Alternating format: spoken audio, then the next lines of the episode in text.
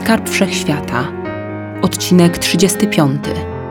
Życiodajny ogień. Tuż przed tragedią nigdy nie widać jej symptomów. Tragedie nie dają znaków. Rozgrywają się nagle i niespodziewanie, chwytają za gardło i duszą, okrutnie zaciskając uścisk przy każdym wydechu ofiary. Przygniatają dumne istoty, lubując się w doprowadzaniu ich do upadku. Wyszukują coraz głębsze dna, na których pogrzebać mogą nieugiętych zuchwalców, którzy mają się za panów swojego życia. Tragedie śmieją się przez usta zwycięzców z płaczu pokonanych.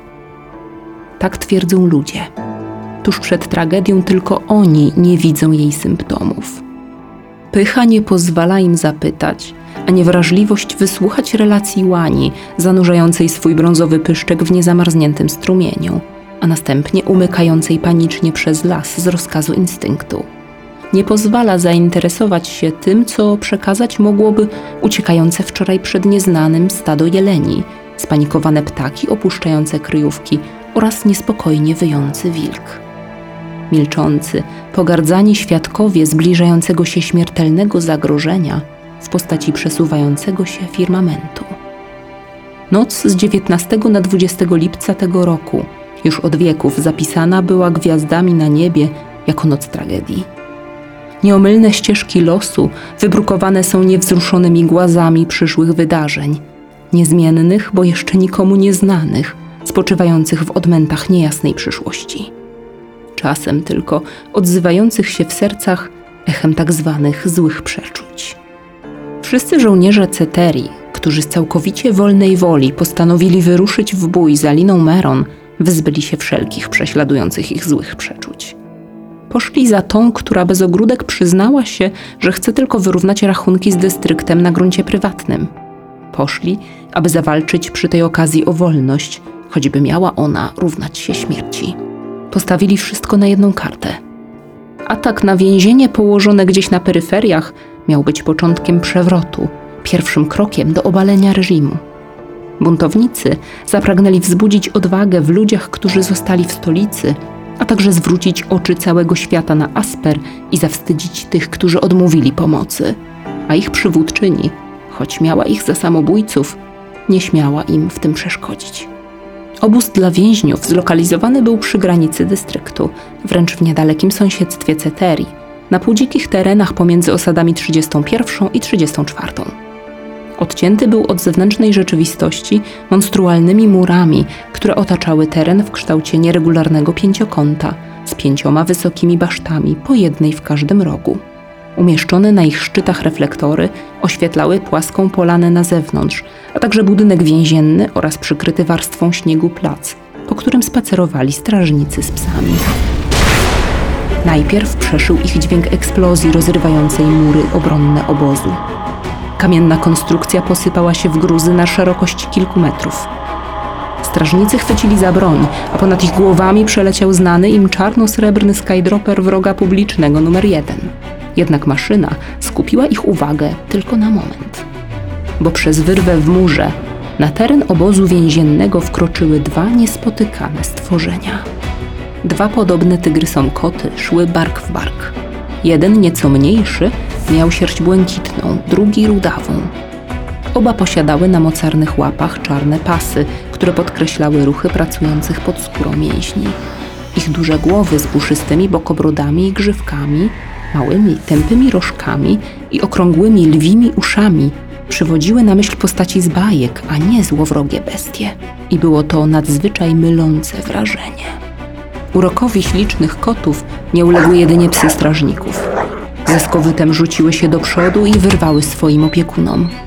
Ale to nie byli godni przeciwnicy dla przyjaciółiny. Darla i Ike byli od nich kilka razy więksi i przetrącili im karki pojedynczymi ciosami łap. Z najbliższej wieży wartowniczej zbiegło pięciu żołnierzy.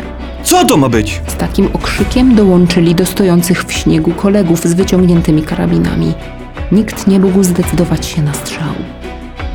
Jednakże wystarczyła pierwsza kula, odważnie posłana w kierunku dwójki nieznanego gatunku zwierząt, by podążyło za nią całe stado pocisków. Ike bez trudu uskoczył w bok. Darla posunęła się jeszcze dalej. Rozpędziła się i skoczyła na pierwszego z brzegu wroga. Kłapnięciem paszczy zmiażdżyła jego szyję, a wbitymi pazurami dodatkowo rozerwała martwe już ciało. Nim ktokolwiek zdążył zareagować, to samo uczyniła z jego stojącym obok towarzyszem. Ike nie bawił się w lwa na starożytnej arenie. Wyprężył się, a czarne pasy na jego łapach i fioletowe rożki na głowie rozbłysły na czerwono. Gardło rozgrzało się, kot otworzył pysk. Fala ognia, która się z niego wydobyła, pochłonęła pozostałych wartowników, uderzyła w najbliższą basztę i przemieniła ją w płonącą kolumnę. Włączył się więzienny alarm. Jazgot syren przeszył noc. Znikąd pojawiła się Faith. Wykorzystując fakt, że część straży zginęła, a nie pojawili się jeszcze kolejni żołnierze, doleciała prędko do zamkniętego na cztery spusty wejścia do więzienia. Ogniowa spirala Aika radziła sobie z tym bez problemów, wysadzając wielkie żelazne drzwi. Łabędzica wleciała do środka na poszukiwanie Dajany. Koty zostały na zewnątrz, otoczone przez uzbrojonych mężczyzn gromadzących się na placu. Płomienie ogarniętej pożarem baszty oświetlały teren tak silnie, że w powstałym blasku zaniknęło światło reflektorów. Darla i Ike gotowali się do obrony.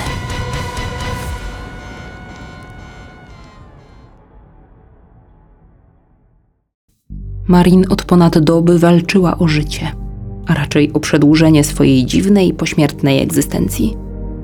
Wiedziała, że cierpi karę za wykorzystywanie swojego szóstego zmysłu w cielesnej postaci, zastosowanie techniki czerwonych kul. Była świadoma tego, że jej zachowanie nie podoba się wszechwładnemu różowemu kryształowi, najokrutniejszemu chyba spośród trzech kryształów. Nie miała energii na materializację.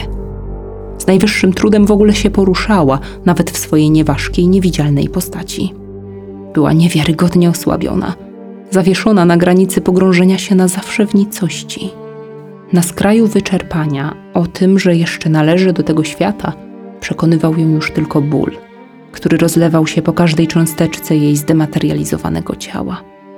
Ból, który był właściwie bólem umysłu, ostatniego narządu będącego w stanie odbierać jakiekolwiek bodźce.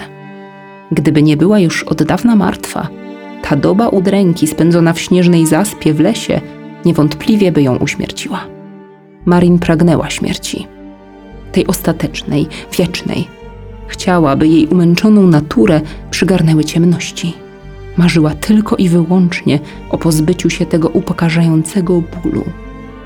Mimo to nie potrafiła zmusić się do pożałowania swojego postępowania. Męka nabierała słodkiego posmaku na myśl o tym, że ocalone zostało życie księżniczki. Wcześniej dokładnie zaplanowała, jak i ile energii wykorzystać w trakcie bitwy ze skydroperami. Nie chciała doprowadzić się do takiego stanu. Jej ponowna materializacja i ostatni atak, który przelał czarę, wynikał tylko i wyłącznie z tego, że w przeciwnym razie księżniczka mogłaby zginąć. Płacona teraz za to cena była jednak dla ostatniej strażniczki śmiesznie niska. Jeśli umrze, a raczej zniknie z tego świata, to właśnie z taką świadomością. Wtem z nieba zstąpiła nadzieja. Przyjęła postać czerwonawej łuny majaczącej w oddali. Ogień.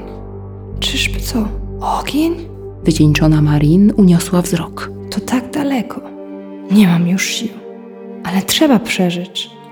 Przetrwać na suszy różowemu kryształowi, który tak traktuje swoją ostatnią strażniczkę. Ten ogień, pożar, to jest moja szansa. Czuła, że ma teraz piękny powód, by żyć tym swoim osobliwym życiem po śmierci.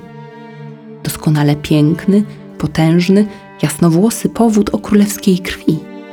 Powód o imieniu Lina. Ja ją muszę chronić. Za wszelką cenę. Przeszło jej przez myśl. Odtąd nie liczyć, że już będę ja. Koniec z poczuciem winy i rozpamiętywaniem przeszłości. Namro nie będzie dla mnie już dłużej istnieć. Ja istnieć będę tylko dla Liny. A może nawet powiem jej kiedyś, wyznam. Osłabiony umysł buntował się już nawet przed myśleniem. Granica obrócenia się w nicość była niezwykle cienka, a Marin balansowała na niej już od jakiegoś czasu. Ale uruchomiła resztki energii. Już niedługo uzupełni jej zapasy. Musi tylko dotrzeć do jaskrawej łuny. Bo to musi być ogień. Musi życiodajny ogień, wybawienie od mąk. Opuściło ją pragnienie śmierci. Zastąpiła je żądza życia, towarzyszenia księżniczce i najprawdopodobniej wybranej przez skarb wszechświata na drodze do jego odnalezienia. Marin chciała zrozumieć swoją rolę w wirze tych przedziwnych zdarzeń. Myśli się urwały. Umysł przestał cokolwiek rejestrować. Ostatnie rezerwy sił Marin przeznaczyła na wyczerpujący lot, wędrówkę ku nadziei.